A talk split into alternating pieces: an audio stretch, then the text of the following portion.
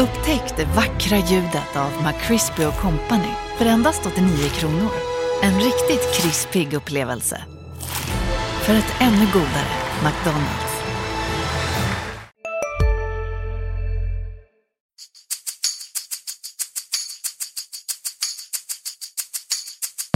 Varit mycket, eh, mycket snack om det här inhoppet. Det är svårt att förbereda sig. Va? Så att, eh, det, är mycket känslor som fäller över.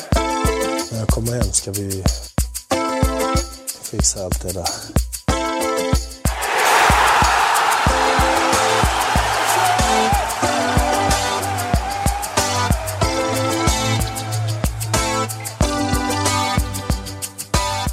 Välkomna tillbaka till MFF-podden. Det här är avsnitt 151. Jag heter Fredrik Hedenskog. Jag har sällskap av Max Wiman och Fredrik Lindstrand.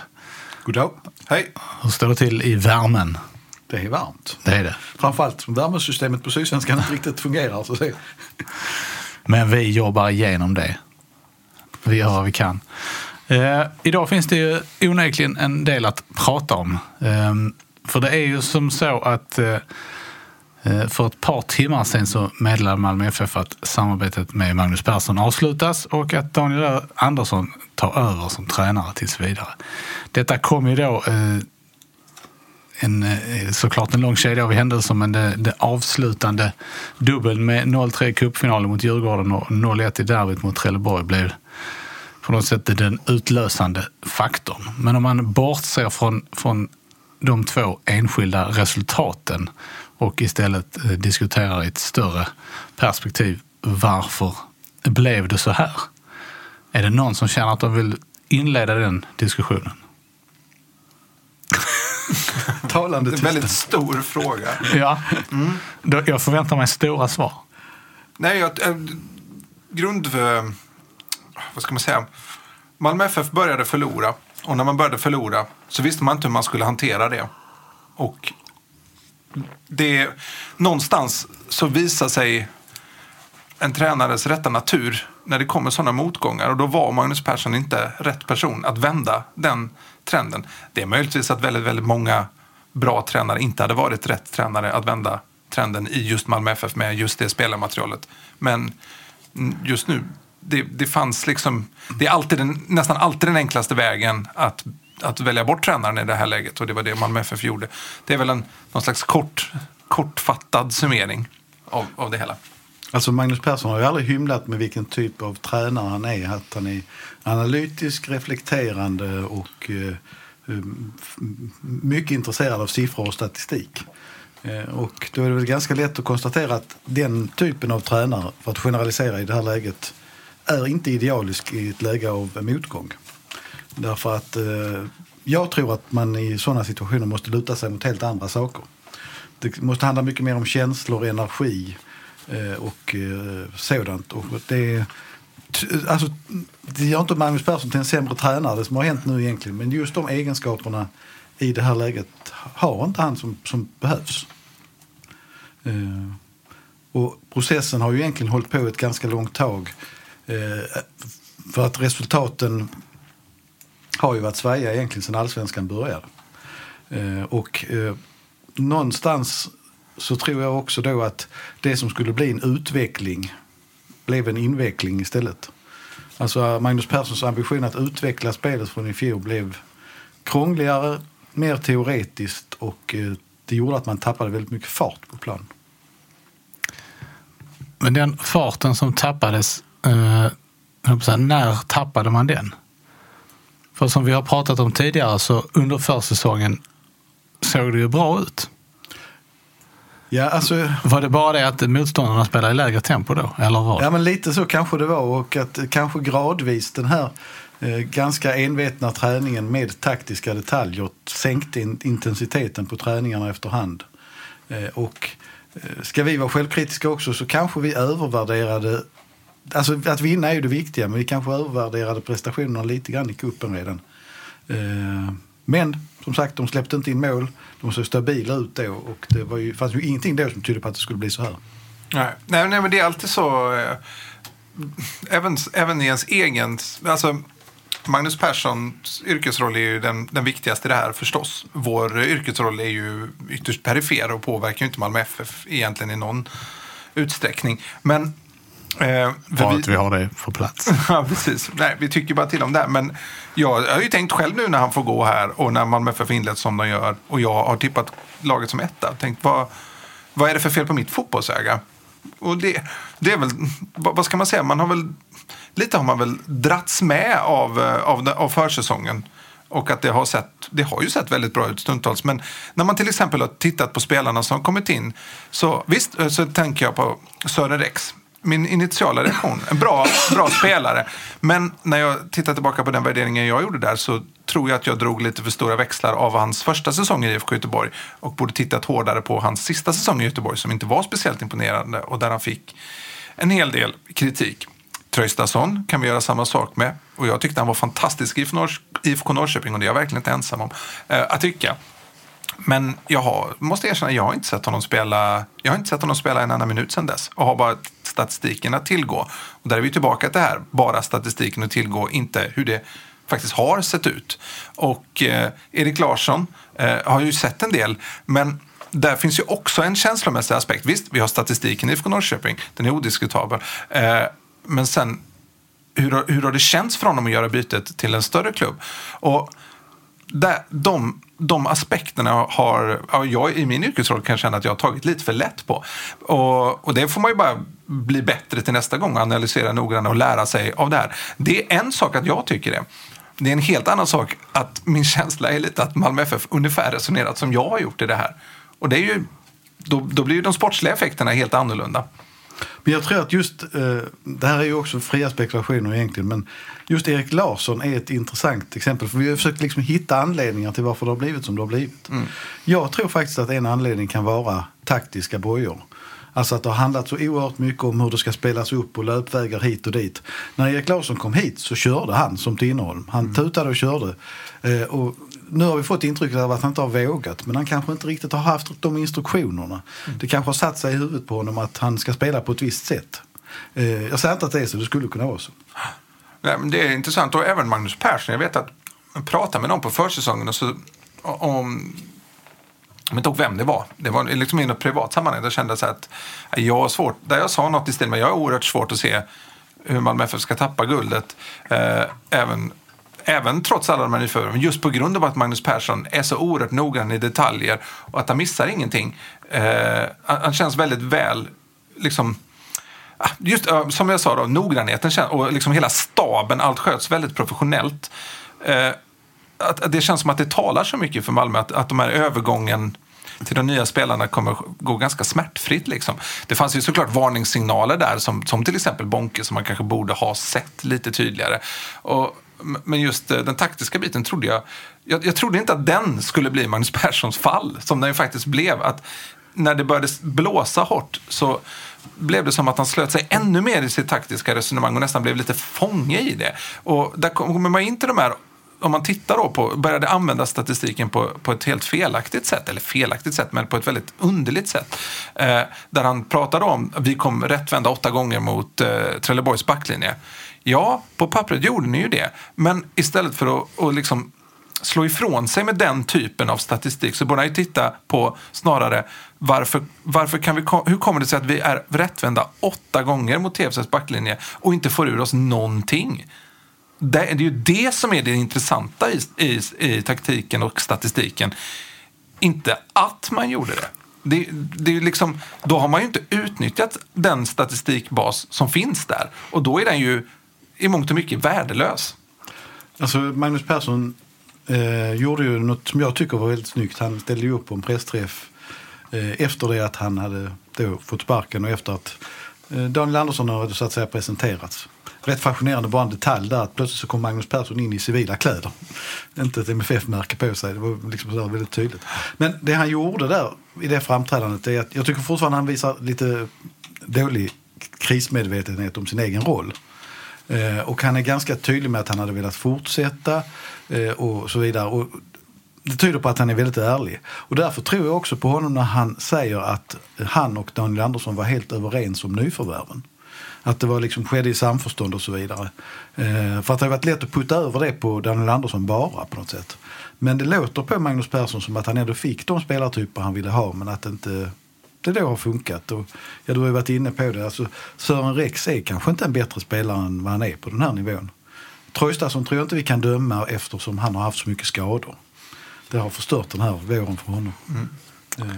Eh, han pratade ju också, också. Förlåt. Han pratade också på, på sin presskonferens om, om vilka anledningar han såg till det här eh, raset som har varit den senaste månaden. Ja, och det Eh, tyckte jag var intressant. Där han då framförallt pratade om det täta spelschemat och eh, rotation samt skador. Eh, men då, då, det går ju lite grann tillbaka på den linje som MFF har valt, känner jag. Att man har gjort sig lite mer eh, sårbart för skador Ja, med det- den mindre truppen. Det är, det, det, är där de tycker, det är där det konstiga för mig är att Daniel Andersson och Magnus Persson säger att de, säger att de har varit så överens om uh, spelarmaterialet. Men det är en jättestor skillnad i hur man har värderat talangerna. Daniel Andersson, när han byggde den här truppen, och då har han ju tyckt att de varit redo. Samuel Adrian, till exempel, som har legat längst fram. Men Magnus Persson har ju uppenbarligen inte tyckt det. Han har ju inte ansett dem redo att använda. Nej, det var, det var väl det egentligen, han pratade nog inte om lärlingarna, han pratade nog om, så där finns nog en skillnad. Det tror jag. Men det jag tyckte var intressant i det du sa, det, var, det är just det där med självinsikten. Inte på någon punkt så tog Magnus Persson egentligen på sig något ansvar, alltså att det här har jag gjort fel. Och jag kan tycka då att... Han sa ju att han ångrar ingenting. Nej, precis. Och då kan jag tycka liksom att eh, i ett väldigt bra framträdande annars, väldigt personligt och väldigt öppet, så blir det lite konstigt när man inte någonstans fortfarande tar på sig något ansvar för det som har hänt.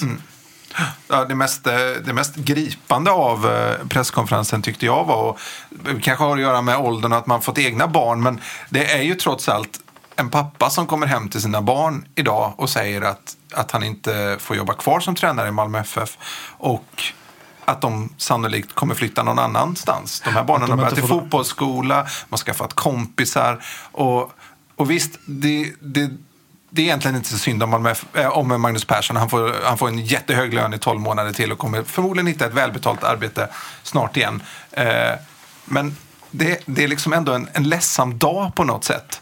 Och det kan säkert bli jättebra för Malmö FF och så vidare. Men jag vet inte, det, det blir liksom lite vemodig känsla. Han berättade om att hans barn verkligen tyckte om att dra på sig de här ljusblå tröjorna och gå till stadion. Och, ja, det blev, blev något att bearbeta för, för allihop det här. Jag får en klump i magen när jag tänker på det. Ja, Även om det som sagt, det drabbar ingen fattig. Jag har ju funderat eh, just kring det innan och twittrade bara några rader tidigare på dagen just om det här att skilja mellan sak och person. Eh, Därför att Magnus Persson har uppträtt både proffsigt och väldigt trevligt och det har varit väldigt lättjobbat måste jag säga med honom. Jag pratade ju rätt mycket med honom under träningsläget i USA nu i år. Alltså, på alla sätt och vis. Jag har sprungit på hans familj, hans fru några gånger. Väldigt eh, öppen och glad och positiv och verkade trivas väldigt bra här. Och det blir som du säger då väldigt påtagligt den här situationen. Eh, Och just därför tror jag det är så viktigt att skilja på person och sak. Att när vi sitter och pratar om honom så är det i tränarrollen. Och så någonstans får man ju då ha i bakhuvudet det du nämner Fredrik, att han, att han har ju trots allt en väldigt hög lön. Det, det är ju det, är den, den, lö- det man får för det risktagandet. Ja. Men det kändes konstigare och eh, lite vemodigare denna gången än, än när Allan Kuhn försvann faktiskt. Det måste jag säga.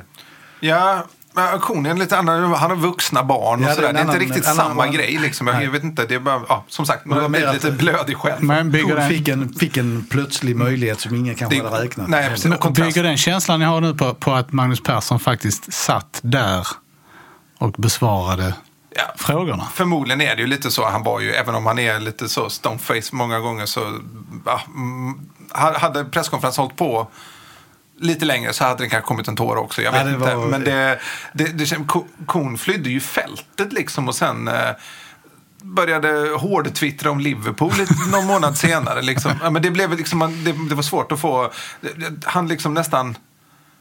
Ah, så dök han upp först på ett år senare när, när MFF hade det här eh, tvåstjärnefirandet på stadion. Det var liksom... Jag kan fatta, han, det, var, han, det kom ju som en chock för honom att han fick sparken. Magnus Persson har ju det här växt på ett tag. Han, han såg ju det här komma såklart. Och hon gjorde nog inte det. Nej, Kuhn var ju också, eh, jag säga, han kändes ju också som att han låg i försvarsställning från någonstans från tredje omgången och framåt. Ja, Definitivt efter, efter cupfinalen i alla fall. Nej, men, um, ja, nej, vi släpper det där. Vi ska inte hila oss. Men men det blev en lite märklig stämning, det blev en lite märklig känsla. Och, eh, fortfarande så tror jag att för Magnus Perssons egen skull så hoppas jag att han har lite mer mer i, vad ska vi säga, just självinsikt att, till nästa tränarjobb vad han kanske måste förändra lite grann ändå. Eh, för det tror jag är viktigt för hans skull också. Var det något annat av det som Magnus Persson sa eh, idag som fick er att haja till? Nej, inte mer än att han var ganska tydlig med att han verkligen att han var ledsen och besviken och att han verkligen, verkligen ville fortsätta. För även om han hade känt på sig det så, så, så, så fanns det, nog, det fanns en väldigt äkta känsla för att jag tyckte det var väldigt roligt att jobba i Malmö FF just. Det, det tror jag.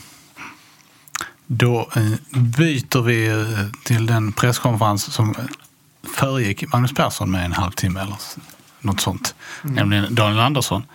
Eh, vad hade ni för övergripande intryck från den?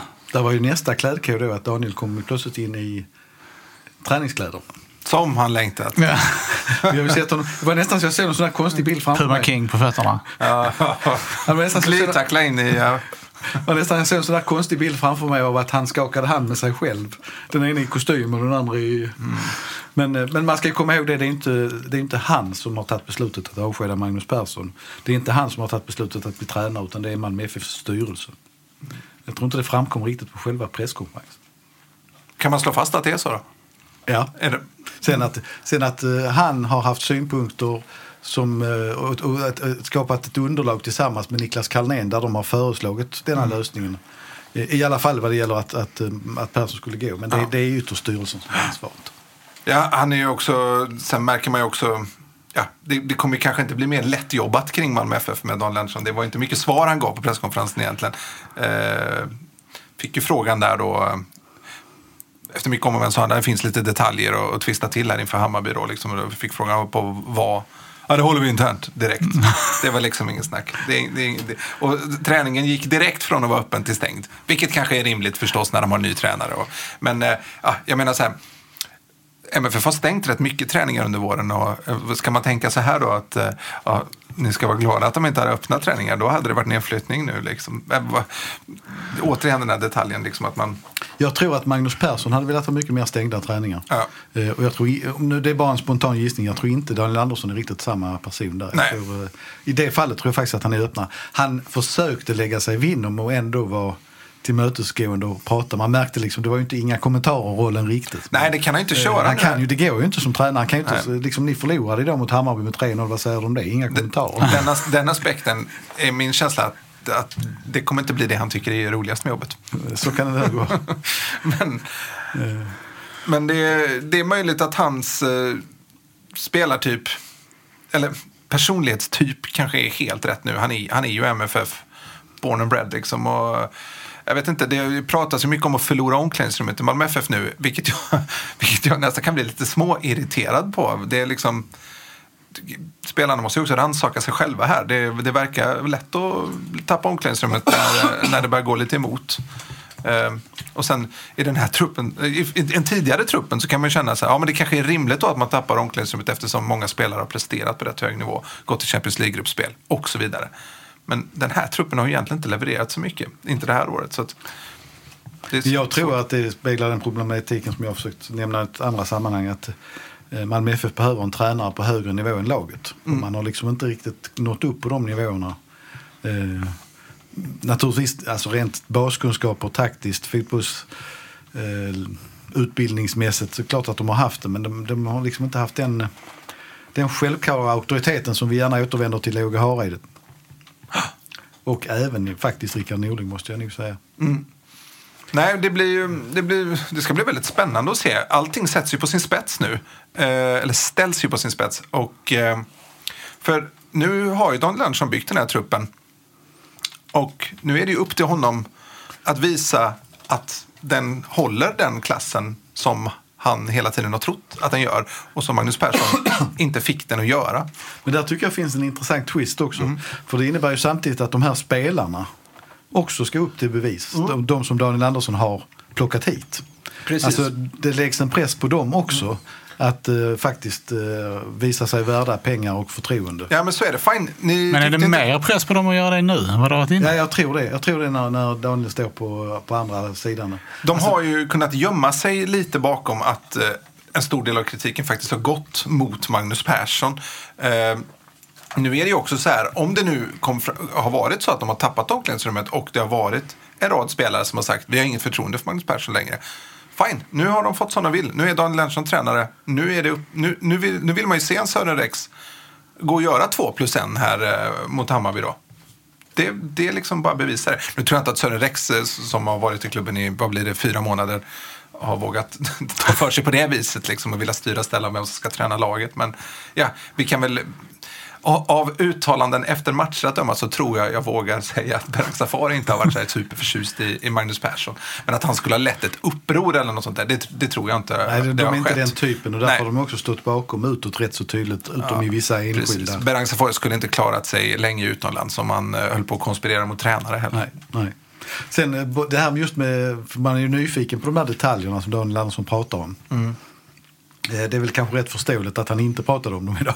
Eh, Men det, jag tror att vi kommer att få se ett Malmö FF som kommer att spela rakare, enklare, snabbare, eh, aggressivare. Pressa Pressa hårdare och högre upp. Och Det- bollen fort upp. Och i, alltså det här duttandet i backlinjen, det tror jag kommer att vara historia. Mm. Faktiskt, om jag ska vara ärlig. Eh, Sen så är det också så att Malmö FF måste komma ihåg, och det tycker jag är, är viktigt. eh, Vi har ju varit inne mycket på Magnus Perssons nackdelar. Men finns det något som Malmö har blivit duktigt på under Magnus Persson så är det ju den taktiska aspekten och noggrannheten och analyserna. För att ibland så hamnar man i en situation, att, vilket gäller i stort sett alla debatter i Sverige just nu känns det som, att där har vi, vi har på ena sidan videoanalyser och taktiska genomgångar och på andra sidan knyta näven och, och liksom känna blodsmak i munnen. De två sidorna behöver inte stå i kontrast med varandra. Men- bara i England.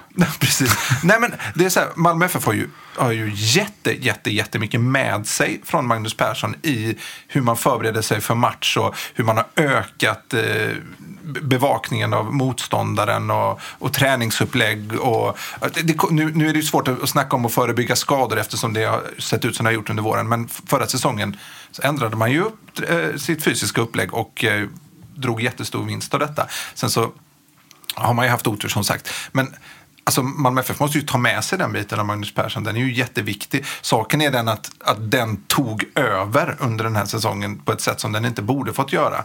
Och, eh, men har man rätt balans och använder sig av den på rätt sätt så, så är det ju självklart något jätte, jättebra. Det är ju inte så att, att bara för att du har taktiska, bara för att du har ett analysteam så behöver ju inte det, det behöver ju inte på något sätt säga att nej, då kan vi inte kämpa på plan längre. Det, det, är ju inte, det handlar ju om att kombinera de här olika aspekterna. Det är ju så man blir ett vinnande lag. Och det tyckte jag Malmö FF var väldigt, väldigt duktigt på under 2017. Eh, kanske därför att Magnus Persson in, inte hade tagit över så mycket som han ville göra och som han kom att göra och som kanske till slut blev hans fall. Då. Det, det är svårt att veta det där, men det, som sagt, eh, den taktiska biten, analysbiten, är verkligen något laget kommer att ha nytta av på sikt, tror jag, om man använder sig av det på rätt sätt. Eh, Daniel Andersson tar ju då i första hand eh, över här fram till VM-uppehållet. Eh, och då är det, då är det alltså tre matcher det handlar om för MFFs del. Det är Hammarby borta på onsdag, den kommer vi återkomma till. Och sen så är det två hemmamatcher mot Häcken eh, på söndag och eh, hemma mot Dalkurd söndagen därefter, 27 maj. Sen är det VM-uppehåll. Då är frågan, vad är, vad är liksom en rimlig målsättning för MFF på de här tre matcherna? Frågar du Daniel Andersson rakt upp och ner så han nio poäng. Ja, jo, det, men, Nej, men jag tror att det här, pratar vi rimligt? Ja, nej, men jag, nej, men jag tror det handlar om, om, bara mer om inställning. Liksom, att, att, eh, att gå ut och bli ett lag igen. Och att, Jo, men det, hjälp, det hjälper inte att, kämpa, Nej. kämpa tills eh, man spottar blod och man förlorar de tre matcherna. men Eh, nej, nej, alltså de, det är klart att de måste ha minst sex poäng med sig från det här kanske. Man kan väl säga att de måste vinna hemmamatcherna. Att, de ska, att Daniel Andersson ska uträtta underverk till Hammarby-matchen på onsdag, det är inte självklart. Samtidigt som ett tränarbyte då ofta brukar visa någonting. Mm. Det jag tyckte var intressant eh, var en, ett svar som Niklas Carlnén gav efter själva presskonferensen. Eh, där han faktiskt sa ungefär så här att jag förlorar aldrig tron. Men med det utgångsläge som finns nu så är det fullt godkänt om vi blir topp tre i allsvenskan i år. Jag tyckte det var väldigt skönt att han sa det. För det var det första som har uttryckt någonting realistiskt. Och jag tror att det här det har varit sårat laget mer det här tuggandet om guld och guld och guld och så många poäng efter och går det att komma ikapp. Ja. För det har ingen trovärdighet i, i sig själv längre. Men jag tycker att det har genomsyrat föreningen i...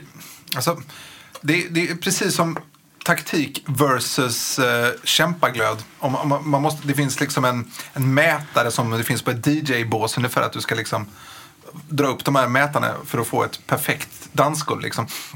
Gud vad gammal jag lät nu. Eh, skitsamma. Men, eh, så, så är det, det, det, det gäller ju alla aspekter eh, av det hela. Och precis som detta handlar det om, om att liksom målsättningar och så vidare. Att det, det, kan vara sporrande att prata om att man ska bli bäst i Norden. Men det kan, kan också bli ett ok. Och det känns som att det mer och mer har blivit det av Malmö FF. Att, att, liksom, att man kanske inte man kanske tror att, att det ska gå lite enklare vad det gjort. Man har blivit väldigt, eh, man, man har haft svårt att, att liksom lära sig av förluster för man har tyckt att ja, men vi var ju ändå bättre. Gör vi bara samma sak nästa match så vinner vi ju. Det brukar vi ju alltid göra. Det gjorde vi ju förra året och året innan dess också. Och så det här, vi ska vara störst i Norden-snacket har kanske fått ta över lite för mycket. Det känns som att hela försäsongen var ett långt snack om eh, om att vi ska ha en trupp som är redo för ett Europaspel nästa vår.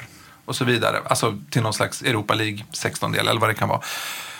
Det har, liksom, det har blivit lite för mycket av den banan. Man är inte bäst i Norden. Man kan inte hoppa över steg för att bli det. Det är fortfarande en lång bit kvar till FC Köpenhamn. Oavsett vad man säger. Det syntes som inte annat när klubben skulle rekrytera tränare när det blev Allan Kuhn. Där man blev lite tagna på sängen av att av att man inte var riktigt så attraktiv som man, som man trodde att man var. Och eh, jag tror man kan lära sig mycket om det, av det. Att man kanske, som Magnus Persson gjorde det ju svårt för sig och det är nästan så att det är ett citat som kan bli lite klassiskt när han, när han inför säsongen sa vi ligger längst fram i Sverige. Onödigt kan jag tycka. Även om det hör ihop med den malmitiska kaxigheten. Men det finns ett reglage där också, det är det jag vill komma till. Att man får inte dra i det, för, man får inte trycka ner det i botten. Det ska vara så det går upp på rött lite grann. precis, precis. Annars kommer den här decibelnämnden och, och skäller. Och det är just nu jag som är decibelnämnden. Det finns, ju, det finns många aspekter på allting. Eh, jag tycker att man gör det här i en match för sent. Jag kan till och med nästan hålla med dem som kan säga att man kanske borde gjort det inför cupfinalen för att ha liksom kunnat skapa den kicken redan där. På, på något sätt har det här varit på gång ett tag. Eh, men att man inte gjorde det inför TFF-matchen, för det hade varit betydligt enklare för Daniel Andersson att att eh, åka ner till Trelleborg och elda upp laget än att åka till eh, Tele2 Arena igen mot eh, ett Hammarby som svävar på moln. Eh, alltså det är, ingen, det är ingen lätt... Eh, det är inget lätt eh, skepp att vända just i den matchen. Sen, eh, då, det som hänger ihop med det här så tror jag också att när man pratar om förändring och eh, man kan ju inte bli hur vad ska man säga, populistisk som helst men jag tror att förändringen var nödvändig av ett annat skäl och det hänger på det stora intresset runt Malmö FF och supportrarna. Med tanke på de här senaste matcherna. Det var 5 000 på cupfinalen i Stockholm. Det var 3 500, det var alltså fler Malmö-supportrar än Trelleborg-supportrar i Trelleborg. Trots att det har gått dåligt i veckan. Eh, Malmö FF har ju ett varumärke att värna om men ett, framförallt ett, ett förhållande till sin publik. Eh, och eh, det är många som har tagit för givet det här med höga publiksiffror och eh, ett stort tryck runt laget. Men eh, sker det inte en vändning snart så kan det slå rätt hårt i sommar. Så därför tror jag också att det var en absolut nödvändigt att göra någonting nu så man får chansen att, att vända både laget och allting runt omkring innan det här uppehållet. Mm. Ja, men känslan är att eh, planen låg klar typ timmen efter cupfinalen.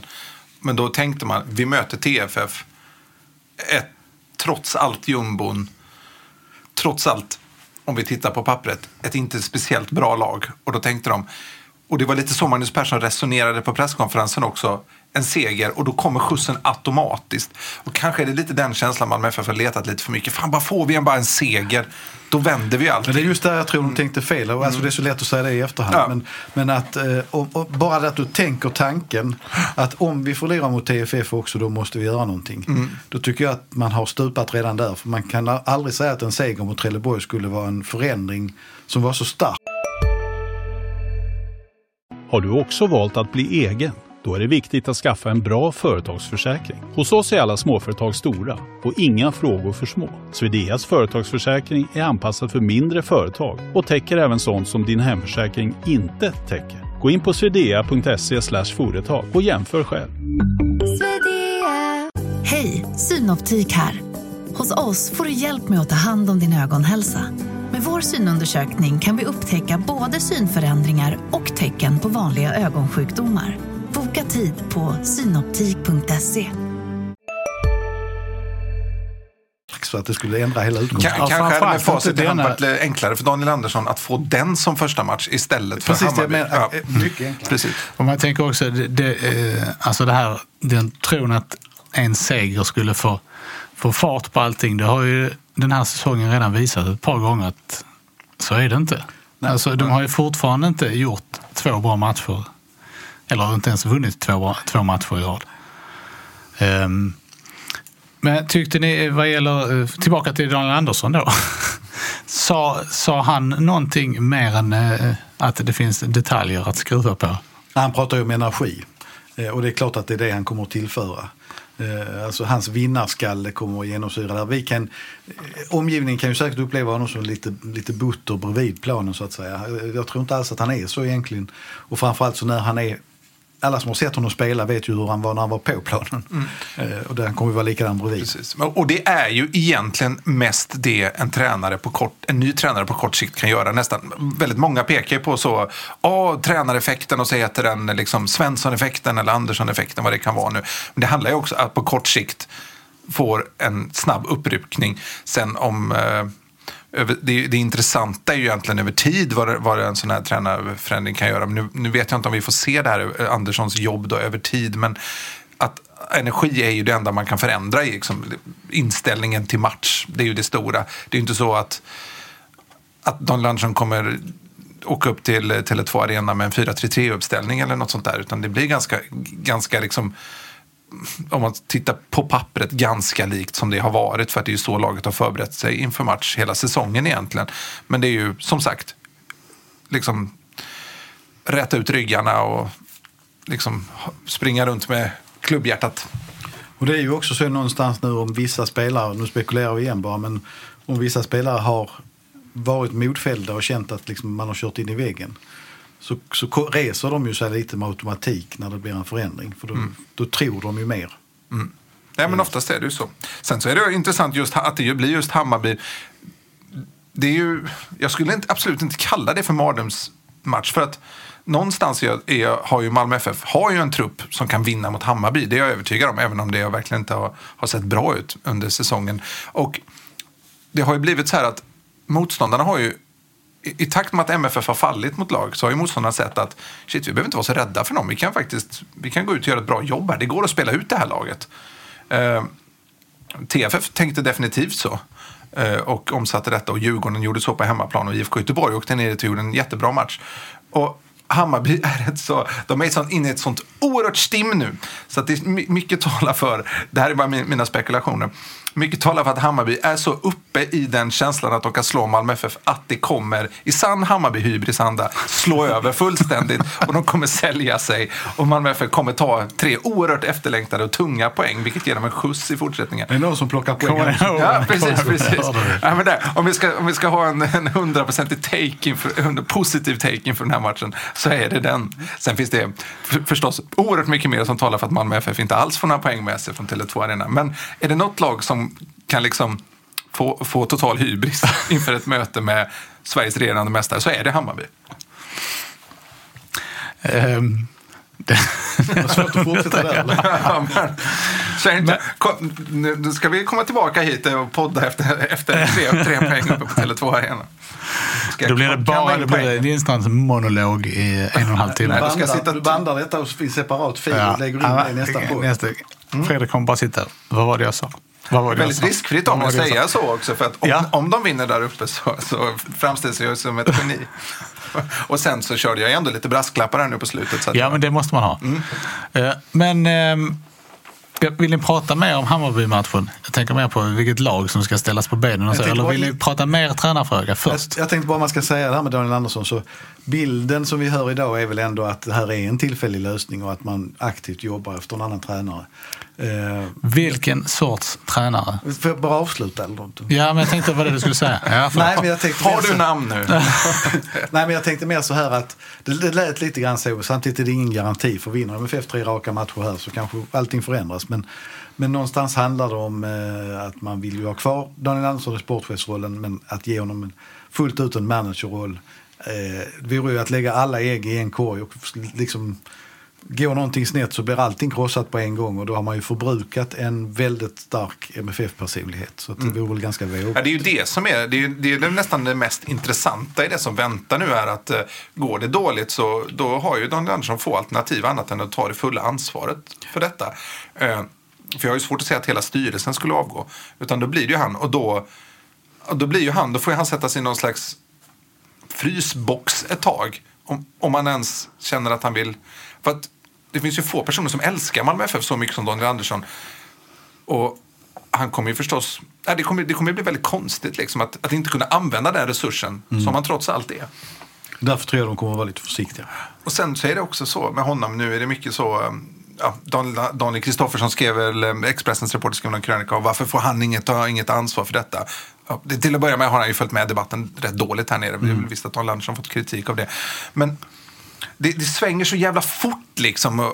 Vi, vi tokhyllade honom för de här värvningarna och alla miljonerna. Han har inte bara på någon månad blivit jättedålig på sitt jobb.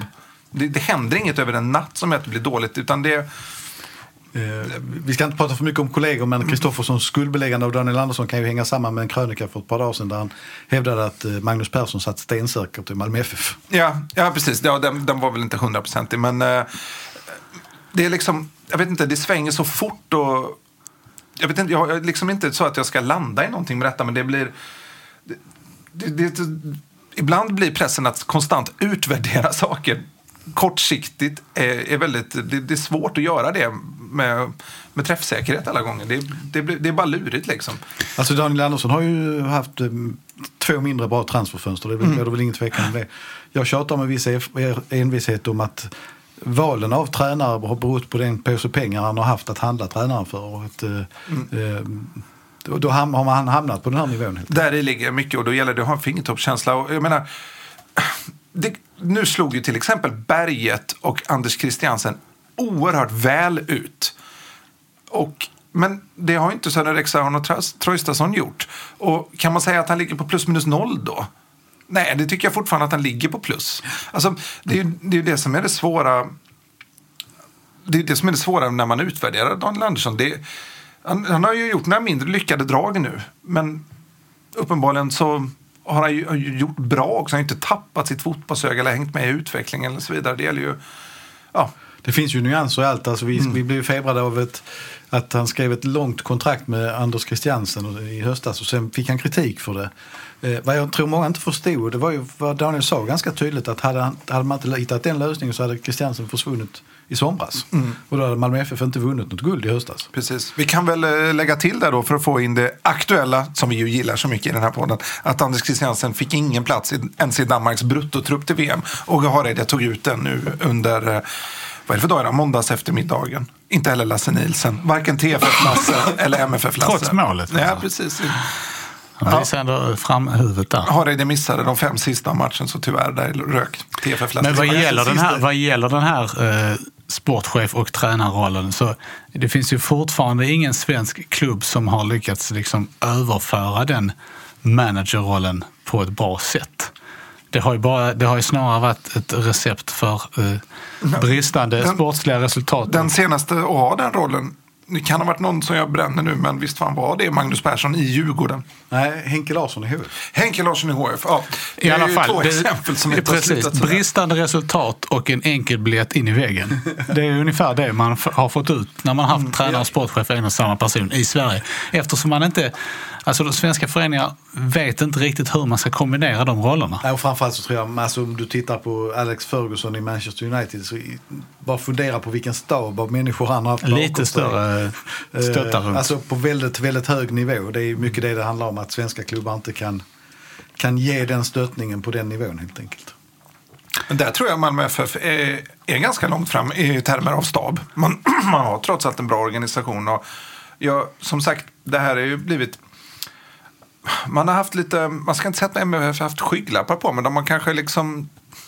Jag tycker att klubben har haft en styrka i att varit, att varit ganska öppna och liksom ganska öppna för intryck och flexibla i sitt sätt att vara som klubb. Och, och det har visat sig i allt från hur man tänker utanför plan i hur man eh, agerar på plan under olika matchsituationer eller i laguttagningar eller i truppbyggnader och, och så. Men senaste tiden kanske man har varit lite för enkelspårig och liksom liksom stirrat sig lite blind på vissa saker. Men på, så att det har ju, man har ju kört, kört in i en återvändsgränd här. Nu får man backa tillbaka och hitta en ny gränd. Men fortfarande finns det ekonomiska utrymmet att, att, för ett sånt här misstag. Men det, det, det liksom på sikt tror jag man kan, om man tar lärdom av detta tror jag att man kan växa ytterligare. Jag tänker så här att om det finns begränsat antal pengar så den uppbyggnaden av staben man har gjort den har ju känts lite rätt på sitt mm. sätt. Samtidigt så är det ju så att utöver specialtränare då, som fystränare och eh, målvaktstränare och styrketränare så har man alltså haft tre, eller har man tre assisterande eh, utetränare om jag uttrycker det så. Och då kan man ju tänka så här att om man hade lagt en av de lönerna på att få en bättre huvudtränare mm. så vad hade effekt, utväxlingen kunnat bli av det? Det tycker jag är en lite intressant fråga. Sen kanske steget är för stort till den, de typen av tränare, alltså att det finns kanske inte de här Uh, som inte är vispgrädde men som är kaffegrädde. Men eftersom vi har tassat runt den här frågan nu. Alltså vilken, var, vilket skikt ska man rikta in sig på? Var ska man titta? Kaffegrädde, inte mellanmjölk. Jag, jag föredrar eh, typnamn. Nej, men snacka, är det liksom nordiska topptränare? Är det, är det eh, holländska mittentränare alla Frans Thijssen? Eller var, var liksom... Jag tycker det finns ju lite olika nivåer, alltså vad man skulle kunna se fungera. Eh, nummer ett är ju naturligtvis, om vi uttrycker det väldigt enkelt, Åge Hareide-typen. En väldigt erfaren person med stor integritet och eh, aura. En aura som liksom lyser runt hela omgivningen. Ett annat alternativ är ju att söka en internationell tränare som vi inte har någon aning om. Så där MFF har lyckats som flera gånger tidigare. Eh, ett tredje är en väldigt stark spelarprofil. Nu tror jag att det egentligen är bättre för förbundskaptener men en, en, en Jonas Tern typ liksom med massa meriter. Och, eh. Jörgen Wålemark ledig. och sen finns det den fjärde varianten att satsa på en... Han, han, han checkar alla boxar. Att hitta Bob Houghton 2018.1 eh, varianten. Men den tror jag inte MFF vågar i det här läget. Men eh, jag vet inte riktigt vad jag förordar. Jag vet inte vad du säger Fredrik. Stuart Baxter. Nej, men, vi ska inte få honom med hans namn dyker upp. Han verkar ju stå på listan. Ja, det har redan dykt upp som efterträdare. Ja. ja, men han är väl på den här listan. Han försvinner aldrig från den. det, nej, jag vet faktiskt inte. Jag, jag har inget namn på rak arm som jag känner... Uh... Nu när Hodgson har räddat Crystal Palace kvar så kanske han kan göra en räddningsaktion till. Nej, det finns ju de här gamla... Alltså, det har ryktats om en del danska namn tidigare. Jörgen Lennartsson finns också ledig. Han jobbar ju med Åge Hareide just nu. Så där har vi den mm. kopplingen. Nej, Då blir det skojigt igen. Ja, precis. Nej, jag, jag, jag drar blankt där. Jag ja. vet faktiskt inte i nuläget vem som skulle... Jag ser det som mest sannolikt att Don Lennartsson tränar MFF resten av säsongen. Om, det, det, är ju definitivt i alla fall att föredra än att man nöjer sig med en tränare som man till 70 procent tycker passar in i profilen. Per Ågrens gamla klassiska citat passar ju ännu en gång. Hellre rätt än bråttom. Hellre rätt än fort, sa han väl? Det, ja, du tror att Niklas Carnén precis, han sa det på presskonferensen. Ja. ja. Nej, men det är väl så. Det... Eh, vi går vidare då, tycker jag. Vi lämnar eh, Ågren och Carnéns eh, symbios där, där så länge. Eh, Daniel Anderssons första uppgift blir ju då att leda eh, laget i bortamatchen, onsdagens bortamatch mot Hammarby. Och då finns det ju lite skador att ta hänsyn till. Eh, hur kommer, hur kommer laget att se ut i den här matchen? Detta energifyllda eh, nya MFF. Som ska, som ska vinna mot ett hybrisfyllt Hammarby. Ja. Nej, jag vet inte, men, men tyvärr är det så att vi har inte hunnit ägna oss åt de här bitarna idag. Men det känns väl tveksamt som om Johan Dahlin verkligen är tillbaka redan till på onsdag. Eh, om det nu var magmuskelbesvär. Eh, Safari lär inte spela. Arno Traustason spelar definitivt inte. Man kan väl misstänka att Fouad Batshirou är tillbaka. Eh, glömmer vi någon nu? Eh, Sa vi Safari? ja, Safari kan vi räkna bort. Han spelar inte. Ja, naturligtvis. eh, Rasmus Rasmus, Bengtsson. Bengtsson är ju ett frågetecken. Eh, Har han problem med vader och eh, ska spela på Tele2s hårda underlag så är det väl också lite tveksamt. Så att, Det lät ju å andra sidan som att den inte var så allvarlig.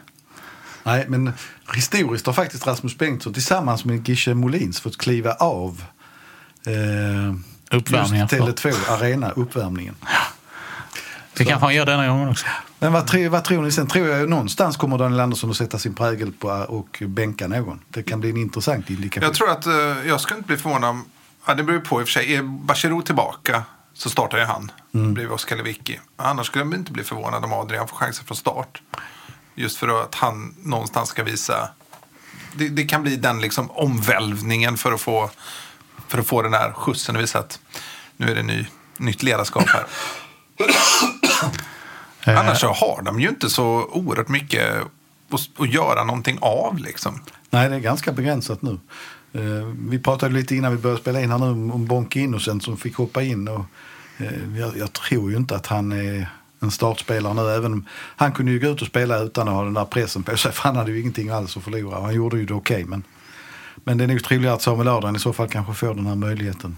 Eventuellt. Ja, men man får se. Många har noterat att Bonke får goda vitsord efter matchen. Och han visst, var visst bra, kanske alla haft fel. Så, nej, men det, så är det ju förstås inte att alla har haft fel om honom. Det är ju, han gjorde precis, TFF var helt okej med vad han gjorde på plan. De Ja. hade inga problem med att han han vann lite boll och, och liksom gjorde ingenting som hotade någon. Det, det var okej. Det är intressant att se hur han väljer där framme. För där är det ju att, att Marcus Rosenberg spelar nu det känns ju allt mer givet. Sen tycker jag att både Jeremejeff och Strandberg hänger ju lite med huvudet och visar inte riktigt rätt energi. Så frågan är ju hur han ska välja och tänka där. Ja, det är ju också intressant Daniel Andersson har, ju värvat flera av de här spelarna. Och Ja. just, han, han har ju mer att vinna på Strandberg, att spela Strandberg ur ett längre perspektiv. Och samtidigt är det här, jag värvade den här killen för ganska mycket pengar nyss. Jag tror i och för sig att han är mer professionell än att han, att han liksom har någon slags statustänk i sin laguttagning. Men, men min åsikt är, jag, jag fattar faktiskt inte varför Strandberg inte startar mot Trelleborg heller. Tycker jag, han har ju ändå gjort några viktiga mål för Malmö och det finns en högre potential där. Jag tycker att han ska få fortsätta.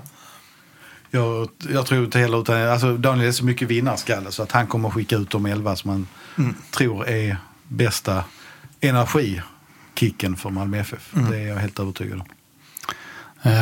Det känns ju som att, eh, jag tänkte på, eh, vi har ju pratat väldigt mycket om, om nyförvärven och eh, att de inte har levt upp till förväntningarna. Samtidigt så är det ju eh, väldigt många spelare som var här även förra säsongen som inte har levt upp till förväntningarna den här säsongen.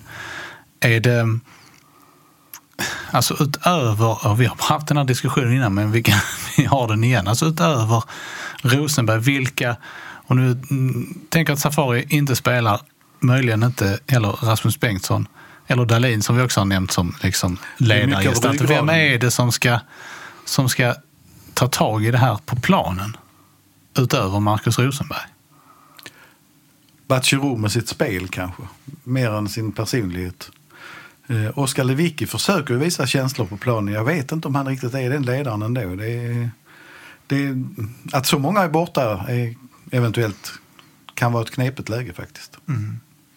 Nej, det är det som är det svåra. Jag, jag skulle vilja se kanske Svanberg ta ett eh, större ansvar. Han, det, det är liksom den aspekten av honom. Han har ju som, som yngling kunnat gömma sig bakom det att han faktiskt inte behöver ta den, kan koncentrera sig fullt ut på sitt eget spel. Men det kan vara en aspekt av att han, att han faktiskt växer som spelare av att få, även känna att han måste leda laget nu. Han eh, gjorde inte direkt sin bästa match i Trelleborg. Nej, Det var riktigt dåligt faktiskt. Nej, det är väl ett, just nu ett typiskt exempel på tonåring som liksom skulle må bra av att kanske hoppa in i någon match, liksom få stå över någon match. Alltså, det här matchandet, precis som för laget i stort så har ju det här täta spelschemat inte varit bra. Hade de inlett med att vinna några matcher inför den här superheta perioden. Så han har kunnat bara rida på vågen. Men precis som för MFF och för Svanberg då så har det liksom blivit att man gräver ner sig snarare. Man fortsätter att göra fel och man liksom skulle behöva ta ett steg tillbaka och se på situationen. Vad kan vi göra annorlunda? Hur ska jag tänka? Den tiden finns inte riktigt nu. Alltså Frans Brorsson är ju en sån här spelare som om han var lite mer slipad och eh, så skulle kunna ta på sig en sån här ledarroll också. För det är ju väldigt mycket hjärta. Men han, han känns som att han har fullt bry att hålla reda på sig själv. Men han tog, ju- tog ju ett gult där som fick rätt ödesdigra konsekvenser. Han är inte avstängd ska vi säga. Men inte avstängd. Han är inte avstängd därför att han fick två gula i samma match. Ja, ja, det är Så så, det är därför han står på tre. Så Ja, han, han är inte avstängd. då, då stänger vi den dörren. Ja. Men eh, det var oavsett det en ganska onödig varning och frispark. Enligt Högt honom upp själv på var egen det plan. så var det inte frispark. Men Nej, Jag, jag är faktiskt eh, jag är väl lite med honom på det. Alltså han blir ju straffad för att han är stor och stark och motståndaren är liten och tunn. Ja, I det fallet. det är väl så, lite som du säger, det är väl onödigt att han ger sig in i Han den. gick in lite onödigt hårt för Jovanovic är ju planens tunnaste spelare. Han hade ju fallit oavsett. Men Jovanovic petar bollen åt sidan. Och Frans Brorsson har hög fart och är jämsides med honom. Egentligen så tycker jag att det är en axel mot axel. Och att faktiskt MFF ska ja, få fortsätta spelet bara. Men det, det hade ju... Det är lite onödigt att ta den risken i det läget. så, så är det såklart. Och Malmö FF är förstås ett alldeles för bra lag för att liksom hänga upp en, en match mot Trelleborg på sådana detaljer. Sen en annan spelare där bak då som, är- som är lite mysterium för mig faktiskt. Det är Lasse Nilsson, MFF då. Eh, han, han framstår ju inte som en ledare, att han leder laget på planen. Men när det liksom drar ihop sig, han är en jäkel på att kämpa och han krigar och han drar upp. Han var vänsterytter i något anfall. Och, alltså han, han visar energi på det sättet. Men han är ju inte den typen som leder och styr laget överhuvudtaget känns det som.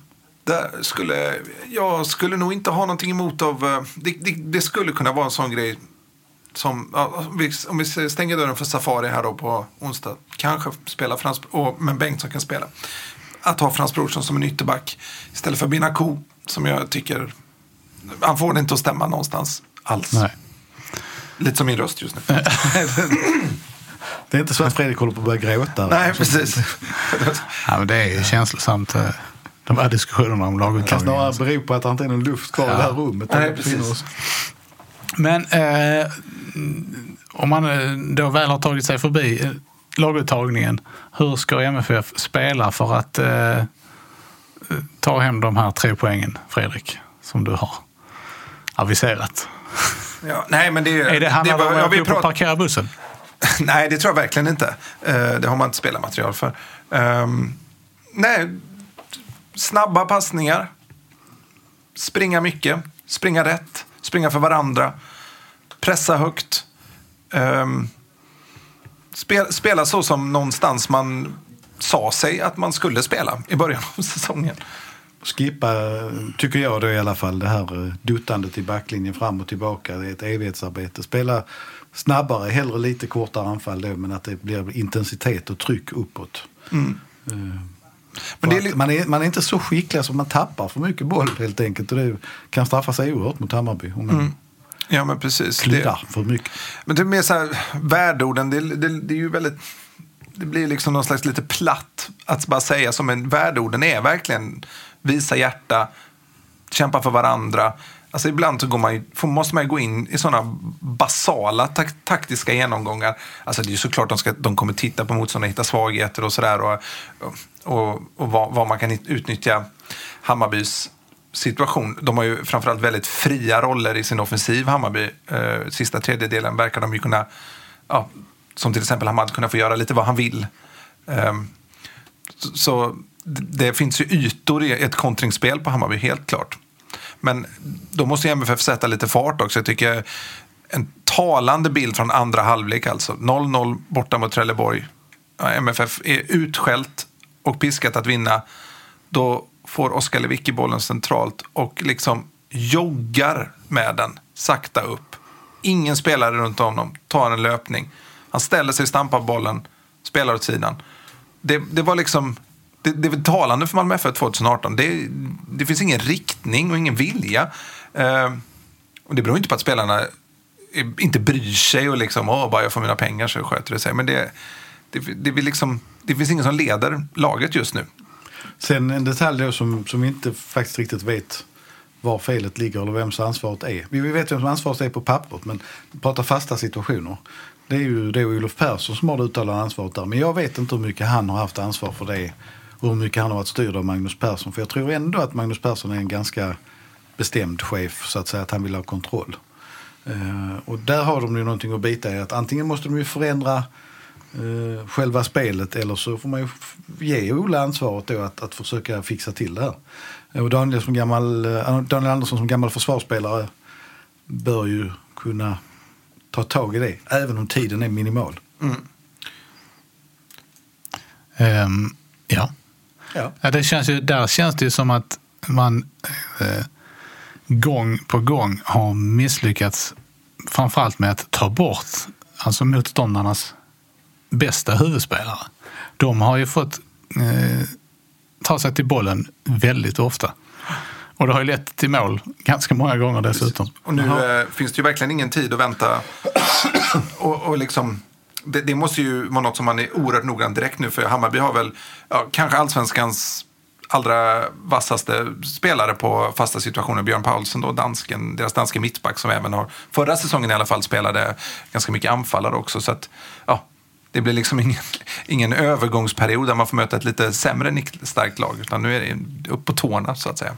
MFF har något system med tre centrala spelare som ska markera i zon precis framför mål. Och det är någonting som inte har fungerat uppenbarligen. För det är, bollen dimper ner bakom. Det var ju väldigt tydligt i eh, cupfinalen. När den damp ner bakom de alla tre till en helt fri Une Larsson. Tre, fyra spelare med tydliga zonuppdrag, är, det är ganska standardförfarande eh, tycker jag. Det tror jag skulle nästan säga att alla lag har. Men däremot de runt omkring.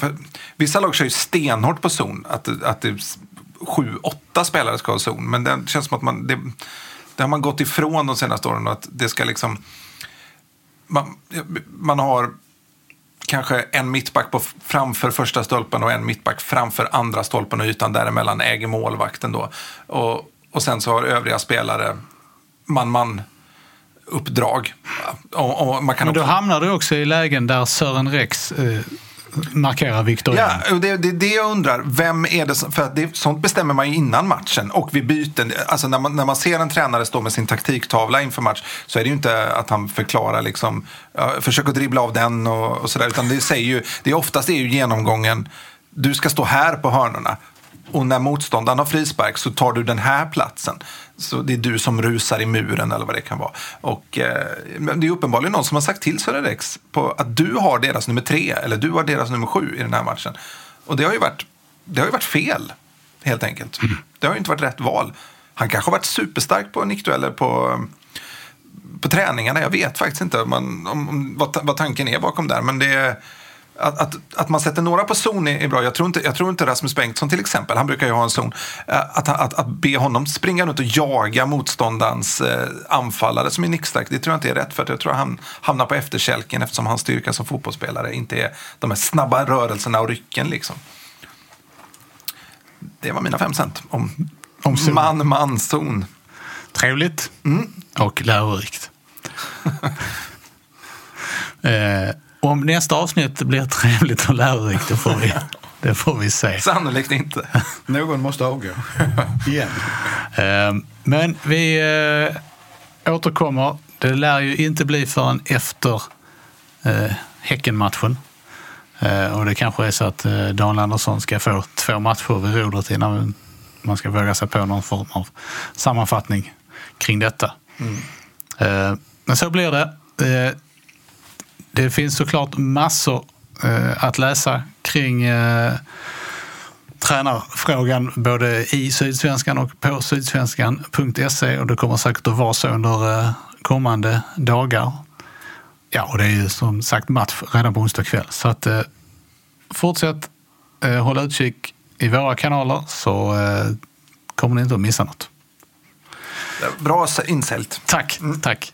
Eh, jag siktar lite på kanske en tjänstvåning upp, en våning upp. Annonsavdelning. ja. Eh, det här har varit avsnitt 151 av MFF-podden. Jag heter Fredrik Hedenskog. Jag har ett sällskap av Max Wiman och Fredrik Lindstrand och ansvarig utgivare är Pia Renqvist. Tack för oss. Hej, hej! Hej!